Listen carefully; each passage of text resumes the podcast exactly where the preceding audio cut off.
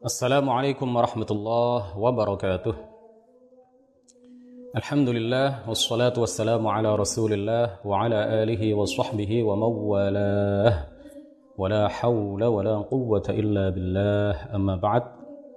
Kita awali dengan bacaan suratul Fatihah kita hadiahkan kepada Rasulullah sallallahu alaihi wasallam kepada para anbiya, kepada para rasul, kepada para malaikat, kepada para aulia, kepada para ulama, amilun, kepada para mujahidin, kepada para musannifin, mukhlisin dan terkhusus kepada muallif kitab ini. Dan dengan niat mudah-mudahan kita semuanya mendapatkan taufik rahmah serta selalu mendapatkan hidayah dari Allah Subhanahu wa taala. Dan mudah-mudahan kita semuanya dapat perlindungan dari Allah Subhanahu wa taala dari segala macam musibah, dari segala macam keburukan, dari segala macam wabah, dari segala hal yang tidak kita inginkan dan mudah-mudahan hajat kita diterima, dikabulkan, diijabahkan oleh Allah Subhanahu wa taala baik hajat dunia maupun hajat akhirat. Dan mudah-mudahan di bulan Ramadan ini kita semuanya mendapatkan ampunan dosa dari Allah Subhanahu wa taala. Ala hadhihi niyyah wa ala kulli niyyatin salihah. Al-fatihah أعوذ بالله من الشيطان الرجيم. بسم الله الرحمن الرحيم. الحمد لله رب العالمين. الرحمن الرحيم. مالك يوم الدين. إياك نعبد وإياك نستعين. اهدنا الصراط المستقيم. صراط الذين أنعمت عليهم غير المغضوب عليهم ولا الضالين. آمين. Para pemirsa NU Online yang mudah-mudahan semuanya senantiasa mendapatkan limpahan taufik, rahmah serta hidayah dari Allah Subhanahu wa taala. Melanjutkan kajian kitab Aqidatil Awam karya Syekh Ahmad Al-Marzuqi. Al-Habib As-Sayyid Ahmad Al-Marzuqi rahimahullah. Kita telah sampai pada bait nazam ke-6. Beliau mengatakan qala al-muallif rahimahullahu taala wa nafa'ana bihi وأمدنا بأمداده وأفاض علينا من بركاته آمين فالله موجود قديم باقي مخالف للخلق بالإطلاق Fallahu maka Allah Subhanahu wa taala maujudun adalah zat yang ada. Qadimun zat yang tidak bermula. Baqi zat yang tidak berpenghabisan, maha kekal mukhalifun lil khalqi yang berbeda dengan seluruh makhluk bil itlaqi alal itlaq bil itlaqi secara mutlak Muallif kitab ini menyebutkan beberapa sifat Allah Subhanahu wa taala. Yang pertama bahwa Allah Subhanahu wa taala disifati dengan sifat wujud. Jadi wujud itu adalah sifat Allah Subhanahu wa taala, tetapi al-mawjud itu bukan nama Allah. Jadi kita tidak mengatakan Abdul Mawjud, ya hamba Allah yang maha ada misalkan. Ya tidak dikatakan seperti itu, nggak ada. Umat Islam dari masa dulu sampai sekarang yang memberikan nama anaknya Abdul Mawjud misalkan nggak ada. Karena memang Al Mawjud itu bukan nama Allah, bukan salah satu nama, bukan ism min asma'illah bukan. Tetapi Al Wujud itu adalah salah satu sifat Allah Subhanahu wa taala. Dan al-wujud ini adalah sifat nafsiyah, as-sifatun nafsiyah. E, disebut kemarin sudah kita jelaskan apa itu sifat nafsiyah. Allah Subhanahu wa taala disifati dengan sifat al-wujud. Allah bersifat dengan sifat al-wujud. Allah ada. Kita wajib meyakini bahwa Allah Subhanahu wa taala ada. Wujudnya tidak didahului oleh ketiadaan, tidak diakhiri dengan ketiadaan, tidak diawali dengan ketiadaan, tidak diakhiri dengan ketiadaan karena wujudnya Allah itu bersifat qadim. Ya, Allah itu salah satu sifatnya adalah qadim. Allah Subhanahu wa taala bersifat dengan sifat qidam. Allah bersifat dengan sifat baqa, maka Allah itu al-baqi. Allah Maha kekal. Allah juga mukhalifun lil khalqi bil itlaqi. Allah berbeda dengan segala sesuatu. Artinya wujud Allah, adanya Allah itu tidak seperti segala yang ada. Adanya Allah tanpa permulaan, tanpa akhir, tidak dilahirkan, tidak melahirkan, tidak berayah, tidak beribu, tidak beranak, tidak berjenis kelamin laki-laki, tidak berjenis kelamin perempuan, tidak bersifat dengan bergerak, tidak bersifat dengan diam, tidak bersifat dengan terus-terusan bergerak, tidak bersifat dengan terus-terusan diam, tidak bersifat dengan kadang-kadang diam, kadang-kadang bergerak. Jadi Allah keberadaannya tidak segala tidak seperti segala yang ada. Mawjudun la kal mawjudat. Allah ada tetapi tidak seperti segala yang ada. Allah itu syai'un la kal asya. Nah, boleh kita mengatakan Allah adalah Allahu syai'un la kal asya. Artinya adalah mawjudun la kal mawjudat. Bahwa Allah itu ada tetapi tidak seperti segala yang ada. Keberadaan Allah tidak sama dengan keberadaan segala sesuatu selainnya. Keberadaan Allah juga tidak membutuhkan kepada segala yang lain. Allah yang menciptakan langit, maka Allah tidak butuh kepada langit. Allah yang menciptakan arash, maka Allah tidak butuh kepada arash. Allah yang menciptakan manusia maka Allah tidak butuh kepada manusia. Allah yang menciptakan langit maka Allah berbeda dengan langit. Allah yang menciptakan manusia maka Allah berbeda dengan manusia. Allah yang menciptakan cahaya maka Allah berbeda dengan cahaya. Allah yang menciptakan arash maka Allah berbeda dengan arash. Dan begitu seterusnya. Jadi Allah adanya itu tidak seperti segala yang ada, tidak dapat dibayangkan, tidak menempati suatu tempat, tidak menempati suatu arah, tidak di atas, tidak di bawah, kanan, kiri, depan ataupun belakang, tidak bisa dibayangkan sama sekali. Sama sekali tidak bisa dibayangkan. Nah, dalil atas sifat wujud Allah salah satunya kalau di dalam Al-Qur'an adalah firman Allah Subhanahu wa taala di dalam surah Ibrahim, di dalam surah Ibrahim ayat 10. Afillahi syak afillahi syak tidak ada keraguan akan adanya Allah. tidak ada keraguan akan adanya Allah Subhanahu wa taala. Di dalam sebuah hadis yang diriwayatkan oleh Imam Al-Bukhari, Rasulullah sallallahu alaihi wasallam bersabda, "Kana Allah wa lam yakun syai'un ghairuh." Kana Allah wa lam yakun ghairuh. Ini dalil dari hadis bahwa Allah bersifat dengan sifat wujud. Kana Allah wa lam yakun syai'un ghairuh. Allah ada pada azal dan belum ada segala sesuatu selainnya.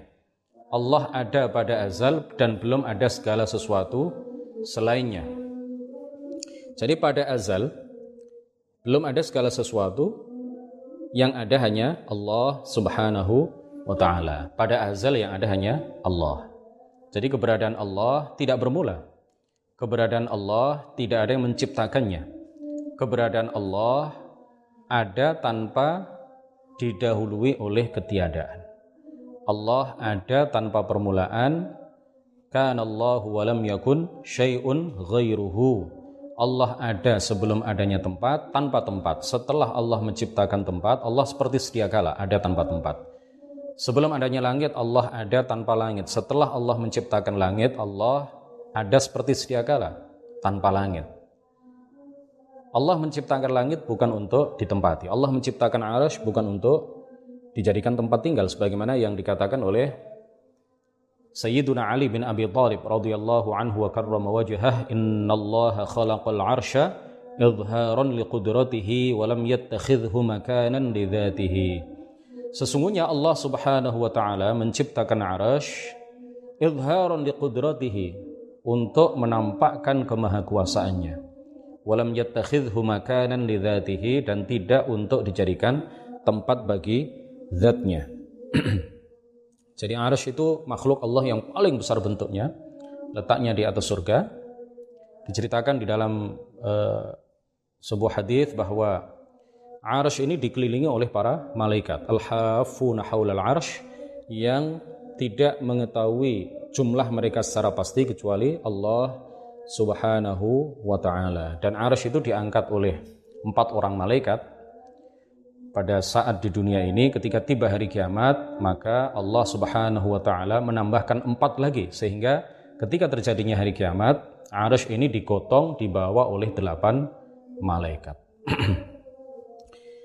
Kemudian malaikat pembawa arsh, hamalatul arsh, itu diceritakan di dalam sebuah hadis saking besarnya malaikat pembawa arsh itu sampai-sampai jarak antara daun telinganya dengan pundaknya itu ditempuh dalam waktu 700 perjalanan, 700 tahun perjalanan oleh burung yang terbangnya sangat cepat. Oleh burung yang terbangnya sangat sangat cepat. Jadi luar biasa besar hamalatul arsh. Malaikat-malaikat yang ditugaskan oleh Allah Subhanahu wa taala untuk menggotong untuk membawa membawa arsh. Nah, arsh ini bukan tempat tinggal Allah Subhanahu wa taala. Arsh ini bukan tempat duduk Allah Subhanahu wa taala. Arsh ini bukan tempat singgasana Allah Subhanahu wa taala. Arsh adalah makhluk Allah yang paling besar jumlahnya. Akbaru makhlukatillahi hajman. Makhluk Allah yang paling besar bentuknya. Tidak ada yang lebih besar daripada arsh. Nah arsh ini adalah diciptakan oleh Allah untuk menunjukkan betapa Allah Subhanahu wa taala sangat maha kuasa ya sehingga ketika para malaikat melihat arash mereka mengetahui bahwa Allah betul-betul maha kuasa. Salah satu bukti kekuasaan Allah adalah adanya arash ya, salah satu bukti kekuasaan Allah adalah adanya adanya arash yang luar biasa besarnya letaknya di atas surga yang merupakan atap dari dari surga. Wasaqfuha arsyur rahman. Jadi dalil dari hadis bahwa Allah ada adalah hadis kan Allah walam yakun syai'un ghairuh rawahul Bukhari. Allah ada pada azal dan belum ada segala sesuatu selain Allah Subhanahu wa taala. Dan adanya Allah seperti yang kami sampaikan tadi itu tidak seperti segala yang ada. Ada tanpa tempat, ada tanpa bentuk, ada tanpa serupa, ada tanpa bisa dibayangkan, ada tanpa dilalui oleh waktu, ada tanpa permulaan, ada tanpa akhir. Ini hal-hal seperti ini harus terus disampaikan kepada masyarakat. Ini bukan ilmu yang jelimet, bukan. Ya, ini adalah ilmu yang wajib diketahui oleh seluruh lapisan masyarakat. Kalau kita tidak memviralkan dasar-dasar ilmu akidah, ilmu akidah yang dasar seperti ini, maka kita akan kalah ya dengan propaganda kelompok-kelompok lain seperti kelompok Wahabi dan lain sebagainya yang getol sekali mempropagandakan bahwa Allah itu duduk di atas arash. Kalau kita malu menyampaikan ini kepada masyarakat, kalau kita menganggap ilmu ini sulit dipahami oleh masyarakat, maka informasi mengenai Allah secara salah itu mungkin akan diterima oleh masyarakat dari mereka, dari orang-orang Wahabi. Jadi sebelum informasi dari Wahabi, sebelum propaganda dari Wahabi masuk ke telinga mereka, masuk ke alam pikiran mereka, kemudian diserap ke alam bawah sadar mereka, sehingga kemudian menjadi keyakinan, maka kita dahului propaganda orang-orang Wahabi dengan memviralkan Allah ada tanpa tempat, Allah ada tanpa bentuk, Allah tidak berada di atas arash. Ini harus terus disampaikan dalam khutbah Jumat, minimal di dalam mukaddimahnya, ya, di dalam sambutan-sambutan, paling tidak itu di dalam mukaddimahnya bisa kita menyampaikan e, ceramah misalkan atau sambutan apa pun, sambutan pernikahan, sambutan hajatan, ya, sambutan takziah dan lain sebagainya, pemberangkatan jenazah, paling tidak itu di mukaddimahnya kita sampaikan. Segala puji bagi Allah, alhamdulillah, syukur kita sampaikan kepada Allah, Tuhan yang berbeda dengan segala sesuatu, Tuhan yang ada tetapi keberadaannya tidak seperti segala yang ada misalkan. Puji syukur kita haturkan kepada Allah Subhanahu wa taala, Tuhan yang tidak bisa dibayangkan, Tuhan yang tidak membutuhkan kepada tempat, Tuhan yang tidak butuh kepada arash, tidak butuh kepada langit. Dia ada sebelum adanya langit. Setelah dia menciptakan langit, dia tetap ada seperti sedia kala, ada tanpa langit. Ini terus kita viralkan, kita perdengarkan terus kepada masyarakat, sehingga kemudian ini menjadi sebuah keyakinan yang terinstal dalam pikiran dan hati mereka sehingga propaganda Wahabi yang menyatakan bahwa Allah di atas arash, Allah di langit, Allah di atas itu sudah ditolak oleh pikiran mereka karena memang sudah terinstal di dalam pikiran dan hati mereka dalam keyakinan mereka bahwa Allah itu tidak seperti apa yang dipropagandakan oleh orang-orang Wahabi. Jadi kita jangan malu untuk menyampaikan ini. Ini adalah ilmu yang penting ilmu yang berkaitan dengan keimanan kepada Allah Subhanahu wa taala. Jangan sampai malu, jangan sampai bosan. Dan jangan menganggap bahwa masyarakat sudah tahu, oh sudah tahu ini. Ya, ilmu ini sudah diketahui oleh masyarakat. Ini ini akidah yang yang dasar sehingga tidak perlu lagi disampaikan kepada masyarakat. Tidak, ini ini sesuatu yang harus terus kita sampaikan karena apa? Karena orang Wahabi tidak pernah bosan menyampaikan propaganda bahwa Allah di atas, bahwa Allah duduk di atas arus, bahwa Allah di langit. Mereka tidak pernah bosan dan tidak pernah berhenti. Mereka tidak pernah malu untuk menyampaikan propaganda akidah mereka. Kalau kemudian kita malu, kita bosan, kita berhenti menyampaikan ini, maka informasi mereka dan propaganda mereka akan mendahului informasi yang benar dari kita kemudian informasi yang salah dari mereka, propaganda yang salah terkait dengan ajaran mereka itu akan diserap terlebih dahulu oleh masyarakat kita sehingga lambat laun kemudian akidah ini luntur dari keyakinan umat Islam. Ini yang tidak kita inginkan. Jadi makanya para ulama mengarang kitab-kitab seperti ini Aqidatul Awam, Kifayatul Awam, Sulamut Taufiq, Al-Aqidatul Tahawiyah dan kitab-kitab akidah yang lain, As-Sanusiyah, eh, dan masih banyak lagi kitab-kitab akidah yang lain. Ini semuanya untuk diajarkan dan dipahamkan serta diinformasikan, diviralkan seluas-luasnya kepada masyarakat sehingga mereka betul-betul paham mengenai akidah ahli sunnati wal jamaah. Saya menyayangkan di beberapa lembaga pendidikan, tidak tidak semuanya, di beberapa lembaga pendidikan kitab-kitab akidah itu hanya dibaca kemudian diterjemahkan ke dalam bahasa Jawa tanpa diterangkan.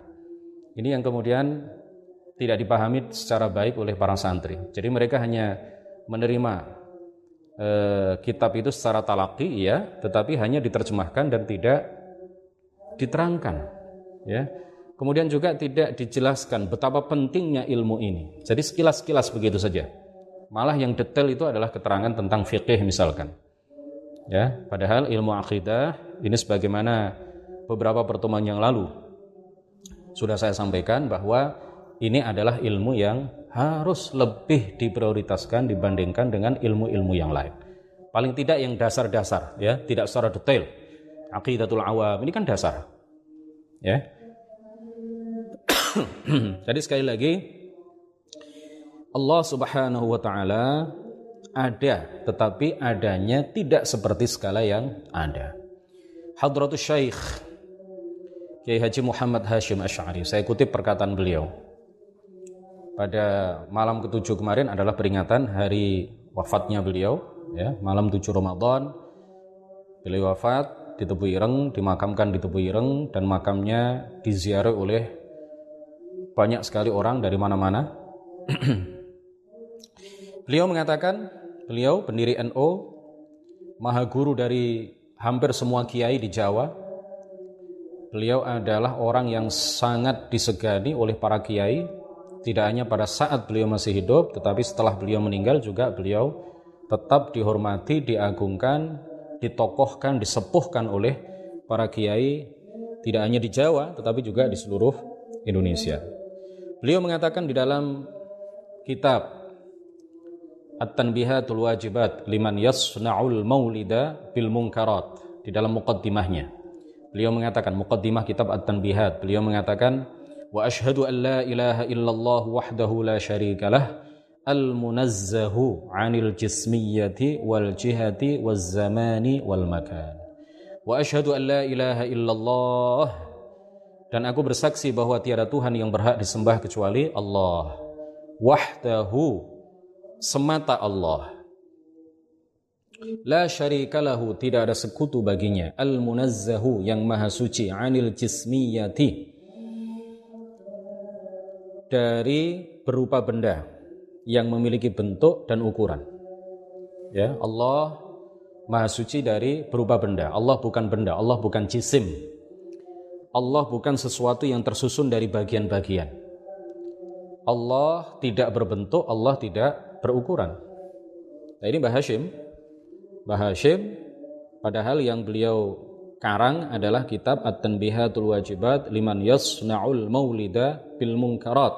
Kitab ini sebenarnya bukan kitab akidah, tetapi kitab ini beliau tujukan untuk uh, beliau maksudkan untuk menjelaskan bahwa jika perayaan Maulid dilakukan dengan kemungkaran-kemungkaran ya, maka perayaan itu menjadi haram untuk dilakukan. Meskipun kitab itu berbicara mengenai masalah maulid yang disertai dengan perbuatan-perbuatan haram, perbuatan-perbuatan mungkar, tetapi beliau tidak lupa untuk menyelipkan dan menyisipkan dasar-dasar akidah di dalam muqaddimah kitab ini. Sehingga beliau kemudian mengatakan ini, al-munazzahu 'anil jismiyati. Allah Maha Suci dari berupa benda. Karena Allah tidak berbentuk, Allah tidak berukuran, Allah bukan jisim. Ya sesuatu yang berjisim, sesuatu yang memiliki e, bentuk dan ukuran, sesuatu yang merupakan benda, maka itu artinya Allah, maka itu artinya sesuatu itu bisa di, dibagi-bagi. Sedangkan Allah itu Al-Ahad, Maha Esa, dan esanya Allah tidak sama dengan satunya makhluk. Satunya makhluk bisa dipecah-pecah, setengah ditambah setengah. Sedangkan esanya Allah Subhanahu wa taala itu bukan dari segi bilangan, bukan dari segi jumlah, tetapi esanya Allah itu dari segi bahwa dia Allah tidak ada sekutu baginya. Al 'anil jismiyati wal jihati kata beliau kata Mbah Hashim wal jihati dan Allah itu maha suci dari arah artinya Allah tidak menempati suatu arah sama sekali. Allah tidak di atas, di bawah, di kanan, di kiri, di depan ataupun di belakang. Waz zamani dan Allah tidak dilalui oleh perputaran masa karena Allah ada tanpa permulaan, Allah ada tanpa akhir. Yang dilalui oleh perputaran masa, yang dilalui oleh perjalanan waktu itu adalah makhluk. Ya, kita saat ini berada di tahun 2020, 1441 Hijriah. Kita sudah meninggalkan tahun 1440 Hijriah, kita sudah meninggalkan tahun 2019. Kita lahir pada tahun sekian, kita wafat nanti pada tahun sekian. Kita dilalui oleh waktu. Ya, karena kita makhluk, keberadaan kita memiliki permulaan, keberadaan kita diakhiri dengan ketiadaan. Ya, itu makhluk. Jadi perputaran waktu itu yang mengalaminya adalah makhluk. Sedangkan Allah yang ada tanpa permulaan, yang ada tanpa akhir, maka dia tidak dilalui oleh waktu. Ya, dia tidak dilalui oleh waktu. Karena eh, waktu itu apa? Ya zaman itu apa sih? Muqaranatu mutajaddidin bi mutajaddidin akhir membandingkan antara sesuatu yang terjadi dengan sesuatu yang terjadi lainnya. Itu waktu. Perputaran waktu itu seperti itu. Jadi perbandingan antara sesuatu yang terjadi dengan sesuatu yang terjadi lainnya. Dengan sesuatu lain yang juga terjadi. Itu waktu jadi kalau saat ini adalah adalah 2020, saat ini kita di saat ini kita berada di tahun 2020 karena memang ada ada perbandingannya. Perbandingannya apa? 2020 itu sebelum 2021 dan setelah 2019 ada yang dibandingkan. Kapan kamu lahir? Kemudian dia menjawab misalkan saya tanya seseorang kapan kamu lahir? Dia bisa mengatakan waktu lahirnya dia karena memang ada yang dibandingkan. Kapan dia lahir? Ya, kapan kamu lahir? Tahun 70. Dia bisa menyampaikan waktu lahirnya dia itu karena memang ada yang dibandingkan. Jadi waktu lahirnya adalah tahun 70. Tahun 70 itu bisa dibandingkan dengan yang lain. Sebelum 71, setelah 69. Sedangkan Allah itu adanya tanpa permulaan. Adanya Allah, keberadaan Allah itu adanya tanpa permulaan, adanya tanpa akhir. Sehingga mau dibandingkan dengan apa? Ya nggak nggak ada yang bisa dibandingkan dengan Allah Subhanahu wa taala karena dia ada tanpa permulaan, ada tanpa dilahirkan dan ada tanpa akhir, keberadaannya kekal selamanya. Jadi tidak bisa dibandingkan dengan apa pun, makanya Syekh Hashim Ash'ari, Hadratus Syekh Mbah Hashim Ash'ari beliau mengatakan apa? Al-munazzahu 'anil jismiyati wal jihati waz zaman, ya dan dia maha suci dari waktu, tidak dilalui oleh waktu, tidak dilalui oleh perputaran zaman. Ini sama dengan apa yang dikatakan oleh misalkan Al-Imam Abu Mansur Al-Baghdadi di dalam kitab Al-Farqu Bainal Firaq. Beliau mengatakan wa ajma'u ay ahlus sunnati wal jamaah ala annahu la yahwihi makan wa la yajri alaihi zaman. La yajri alaihi zaman. Ini adalah kesepakatan golongan ahlus sunnati wal jamaah. Tidak hanya ulamanya, tetapi juga orang-orang awamnya. Semuanya sepakat menyatakan bahwa uh, Allah itu la yajri alaihi zaman. Allah itu tidak dilalui oleh oleh waktu, tidak berlaku baginya perputaran waktu. Tidak berlaku baginya peredaran masa. Wal makan dan Allah maha suci dari dari tempat. Kemudian dalil akal atas adanya Allah Subhanahu wa taala dengan akal yang sehat, kita akan bisa menyimpulkan bahwa setiap tulisan itu pasti ada yang menulis. Setiap pukulan itu pasti ada yang melakukannya. Setiap bangunan itu pasti ada yang membangunnya. Nah ini ini sesuatu yang eh, katakanlah remeh-temeh. Tulisan pasti ada yang menulis, pukulan pasti ada pelakunya, bangunan pasti ada yang membangun, pasti ada tukang yang membangunnya. Ini hal yang yang remeh lah ya, katakanlah remeh. Nah alam beserta segenap isinya ini bukan sesuatu yang remeh ini adalah sesuatu yang luar biasa teratur ya antara bumi dengan dengan matahari, dengan bulan, dengan planet-planet yang lain itu tidak saling berbenturan sehingga kemudian menyebabkan alam ini tidak teratur. Alam ini sangat teratur. Bumi ya sangat teratur, kemudian eh, hal-hal yang lain juga sangat teratur, sangat jelimet, sangat detail ini semuanya pasti ada yang menciptakan. Pukulan saja ada yang pelakunya, tulisan saja ada yang menulisnya, bangunan saja ada yang membangunnya. Apalagi alam beserta segenap isinya yang sangat teratur, yang sangat jelimet, yang sangat detail ini pasti alam dan segenap isinya pasti ada yang menciptakan.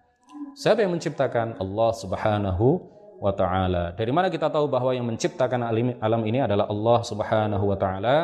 yang memberitahukan kepada kita bahwa pencipta alam semesta adalah Allah bukan yang lain adalah baginda Rasulullah Shallallahu Alaihi Wasallam berdasarkan wahyu yang Allah turunkan turunkan kepada beliau. Kemudian hal itu disampaikan kepada para sahabat, para sahabat menyampaikan hal itu kepada para tabi'in dan begitu seterusnya hingga sampai kepada kita hingga kita tahu alhamdulillah bahwa pencipta alam semesta adalah Allah Subhanahu wa taala. Jadi tidak bisa diterima oleh akal kalau seandainya yang menciptakan alam ini adalah tobiah, misalkan. tobiah itu apa? Tobiah itu adalah as-sifah allati ja'alallahu 'alaiha al-ajram. Sifat yang Allah jadikan ada pada suatu benda. Tidak mungkin yang menciptakan alam ini adalah tobiah. Ya, jadi tobiahnya api itu adalah sifat membakar yang ada di dalamnya. Ketika suatu benda tersentuh api, kemudian benda itu terbakar, maka yang menciptakan kebakaran pada benda yang tersentuh oleh api itu bukan tobiah, bukan sifat membakar yang ada pada pada api.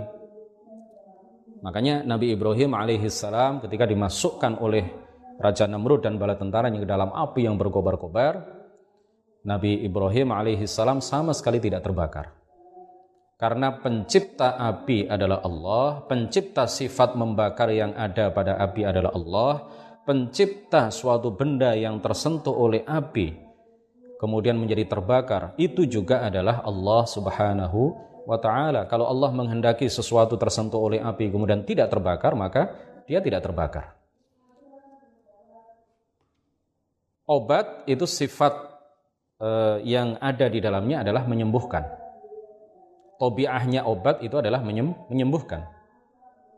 Ketika seseorang minum obat, kemudian sembuh, maka yang menciptakan kesembuhan pada diri orang itu bukan sifat menyembuhkan yang ada dalam obat. Tetapi yang menciptakan obat itu adalah Allah, yang menciptakan sifat menyembuhkan yang ada pada obat itu juga adalah Allah, dan yang menciptakan kesembuhan orang sakit karena minum obat itu juga adalah Allah. Makanya banyak orang sakit minum obat, tidak sembuh-sembuh karena obat tidak bisa menciptakan kesembuhan. Kemudian tidak mungkin juga secara akal sesuatu itu menciptakan dirinya sendiri. Alam menciptakan alam, matahari menciptakan matahari, alam menciptakan dirinya sendiri nggak mungkin. Tidak tidak bisa diterima oleh oleh akal. Dan juga tidak mungkin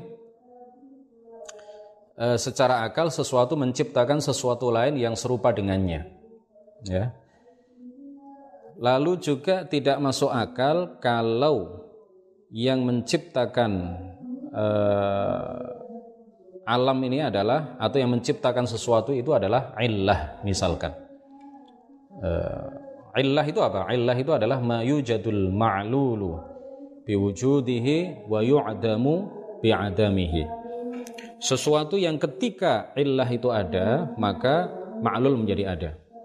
Dan ketika illah itu tidak ada, maka otomatis ma'lul juga tidak ada. Nah, contohnya adalah seperti ini, akik yang ada di jari saya. Ketika tangan saya saya gerakkan, ketika jari saya saya gerakkan, maka otomatis akik yang berada di jari saya ikut bergerak. Nah, bergeraknya jari itu adalah illah, sedangkan bergeraknya akik yang disebabkan oleh bergeraknya jari, ya, bergeraknya akik yang ada di jari, yang ikut bergerak, yang turut bergerak ketika jari digerakkan itu adalah ma'lul. Jadi adanya illah itu meniscayakan adanya ma'lul. Gerakan jari itu meniscayakan gerakan akik atau cincin yang berada di di jari. Nah, yang menciptakan gerakan akik ketika jari bergerak itu bukan gerakan jari. Tapi yang menciptakan gerakan jari adalah Allah, yang menciptakan gerakan akik yang ada di jari, yang ikut bergerak karena jari bergerak, itu juga adalah Allah Subhanahu wa taala. Sampai segitunya para ulama menjelaskan kepada kita itu untuk e, memberikan keyakinan kepada kita bahwa Allah adalah pencipta segala segala sesuatu apa pun selain Allah itu tidak bisa menciptakan sesuatu. Ya, apa pun selain Allah tidak bisa menciptakan sesuatu. Di akhir majelis ini saya akan mengisahkan eh, kisah seseorang yang mengingkari adanya Allah, seorang ateis ya di masa lalu. Di masa lalu. Ini diceritakan bahwa dia ini berada di masa Imam Abu Hanifah jadi ada perdebatan antara orang yang mengingkari adanya Allah dengan seorang alim yang dikatakan bahwa alim itu adalah Imam Abu Hanifah. Diriwayatkan bahwa salah seorang yang mengingkari adanya Allah Subhanahu wa taala mendatangi seorang khalifah. Ia berkata, ulama-ulama ulama-ulama di masa Anda semuanya menyatakan bahwa alam ini ada yang menciptakannya. Kata dia, saya siap untuk meyakinkan mereka dan meyakinkan Anda bahwa alam ini tidak ada yang menciptakannya. Alam ini ada dengan sendirinya. Kemudian setelah itu khalifah mengutus seseorang untuk menghadap seorang alim besar. Ya, ketika itu yaitu Imam Abu Hanifah dan menyampaikan berita ini kepadanya serta memintanya untuk datang. Kemudian orang alim ini sengaja datang telat ya dari waktu yang telah disepakati bersama Ketika datang ia disambut oleh khalifah dan kemudian dipersilahkan duduk di deretan paling depan. Jadi uh, sudah disetting sedemikian rupa akan ada majelis munadharah akan akan diadakan forum perdebatan antara orang ateis dengan seorang alim besar ya seorang tokoh besar ketika itu yang sangat disegani oleh uh, banyak orang termasuk oleh khalifah. Nah, ketika sudah berkumpul seperti itu, kemudian orang alim yang datang telat itu tadi ditanya oleh ateis, "Wahai fulan, mengapa engkau datang terlambat?" Kemudian orang alim itu berkata, orang alim itu kemudian berkata, "Seandainya aku kabarkan kepada Anda, ya dia dia akan menceritakan sesuatu kepada orang yang di debat itu, di forum perdebatan itu, Seandainya aku katakan kepada Anda mengenai cerita yang akan aku sampaikan kepada Anda, apakah Anda percaya? Seandainya ini terjadi, apakah Anda percaya? Rumahku itu berada di seberang sungai Dijlah, sungai Tigris di Irak. Nah, ketika aku tadi ingin melewati sungai itu, biasanya di situ ada perahu. Ya, yang bagus, sudah ada orang yang akan mengantar aku ke seberang sungai berikutnya sehingga aku sampai di sini. Nah, aku tadi ketika akan sampai ke sini, ketika akan menyeberangi sungai, ternyata di sungai itu nggak ada perahu kecuali satu perahu yang uh, berlobang di sana sana kemari, ya, di di sana sini. Jadi ada perahu, tetapi perahu itu sudah rusak, sudah sudah rusak. Ya, kalau perahu itu aku paksakan untuk aku jadikan alat menyeberang ke tempat ini, maka pasti akan tenggelam. Nah, tiba-tiba kayu-kayu yang semula. Compang-camping atau apa ya istilahnya, morat-marit, kayu-kayu perahu yang semula morat-marit, kemudian lubang yang ada di sana sini itu tiba-tiba bergerak sendiri, kemudian ada paku yang melayang sendiri, ada palu yang melayang sendiri, kemudian e, memukul. Jadi palu itu kemudian memukul paku itu, kemudian membenahi sendiri, tidak ada tukang sama sekali di situ, dan akhirnya perahu itu layak untuk aku jadikan alat penyeberangan sehingga aku sampai sini.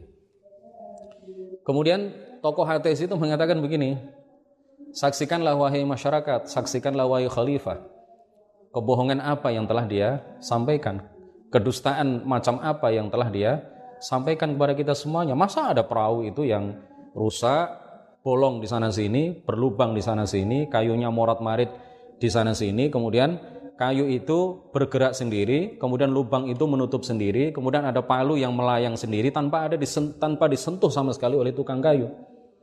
Nggak mungkin ini, nggak mungkin ini kebohongan apa yang telah dia sampaikan. Masa orang seperti ini kemudian kalian hadirkan ke sini untuk berdebat melawan aku? Nah, kemudian eh, seorang alim itu kemudian mengatakan apa? Wahai fulan, kalau memang engkau tidak percaya bahwa perahu yang semula rusak kemudian memperbaiki dirinya sendiri, kemudian menutup lubang-lubangnya sendiri, kemudian merapikan kayu-kayunya yang tadinya morat-marit kemudian menjadi teratur, lalu e, perahu yang awalnya tidak layak untuk dinaiki, lalu kemudian menjadi layak di, untuk dinaiki tanpa disentuh oleh tukang kayu. Sedikit pun, kamu katakan itu sebagai kedustaan, nah apa yang kamu katakan itu lebih dusta daripada ini. Apa yang kamu yakini bahwa alam ini ada dengan sendirinya tanpa ada yang menciptakan sama sekali, ini lebih dusta, lebih bohong, lebih uh, tidak masuk akal dibandingkan dengan perahu. Perahu itu kan sesuatu yang kecil. Sedangkan alam ini beserta segenap isinya, langit dan bumi beserta segenap isinya, ini adalah sesuatu yang sangat teratur, sangat ajaib ya, sangat mempesona. Tidak mungkin ada begitu saja. Tidak mungkin mengatur dirinya sendiri, tidak mungkin menciptakan dirinya sendiri tanpa ada yang menciptakan. Nah, ini artinya engkau adalah orang yang memang tidak menggunakan akal sehat. Nah, dengan eh, dengan mengatakan seperti itu, Imam Abu Hanifah kemudian bisa membungkam ateis itu sehingga dia tidak bisa eh, membalas perdebatan itu sehingga dia terbungkam seribu bahasa, kalah ya. Akhirnya eh, perdebatan itu dimenangkan oleh Al-Imam Abu Hanifah, seorang alim besar, tokoh besar, pendiri madhab Hanafi, sehingga kemudian eh, ateis itu tidak lagi berani untuk menyampaikan ajaran-ajarannya, tidak lagi berani untuk menyampaikan apa yang dia, dia yakini kepada masyarakat. Ada satu kisah lagi, jadi Suatu ketika ada kalau yang kedua ini saya nggak tahu cerita betulan apa enggak. Tapi suatu ketika ada seorang guru yang ateis, tidak percaya adanya Tuhan. Lalu dia mengatakan, Tuhan tidak ada di hadapan murid-muridnya. Tuhan tidak ada. Saya yakin bahwa alam ini ada begitu saja. Tidak mungkin ada yang menciptakan. Kemudian eh, murid ya, salah seorang murid bertanya apa bukti bahwa Tuhan itu tidak ada. Lalu guru itu mengatakan buktinya dia nggak bisa dilihat, dia nggak bisa dirasakan, dia nggak bisa didengar, dia nggak bisa dilihat sama sekali. Berarti tidak ada. Kalau tidak bisa dilihat pasti tidak ada. Kemudian murid yang cerdas itu mengatakan berarti anda tidak punya otak. Loh, kenapa kamu mengatakan seperti itu? Iya, karena saya tidak bisa melihat otak anda. Berarti anda tidak punya otak. Karena otak Anda nggak bisa dilihat, otak Anda nggak bisa dirasakan, otak Anda nggak bisa didengar. Saya nggak melihatnya berarti nggak ada, ya. Anda nggak punya otak. Kalau memang Anda percaya bahwa alam ini tidak ada yang menciptakan dengan dalih perkataan Anda tadi dengan dalih bahwa Tuhan yang menciptakan alam ini tidak ada, tidak bisa dilihat, berarti Anda juga tidak punya otak. Karena memang saya nggak bisa melihat otak Anda. Betul nggak teman-teman? Gitu ya. Nah, murid-muridnya pada pada ketawa semuanya melihat uh, ulah dari apa murid satu, satu orang murid yang sangat cerdas itu sehingga guru yang ateis itu terbungkam seribu bahasa. Demikian mudah-mudahan kajian kita pada malam hari ini membuahkan pahala bagi kita semuanya diridhoi oleh Allah Subhanahu wa taala menjadi ilmu yang bermanfaat, barokah سبحانك اللهم وبحمدك أشهد أن لا إله إلا أنت أستغفرك وأتوب إليك. لا إله إلا الله اللهم صل على سيدنا محمد وعلى آله وصحبه وسلم. رب اغفر لي ولوالدي وللمؤمنين والمؤمنات والله الموفق إلى أقوام الطريق. والسلام عليكم ورحمة الله وبركاته.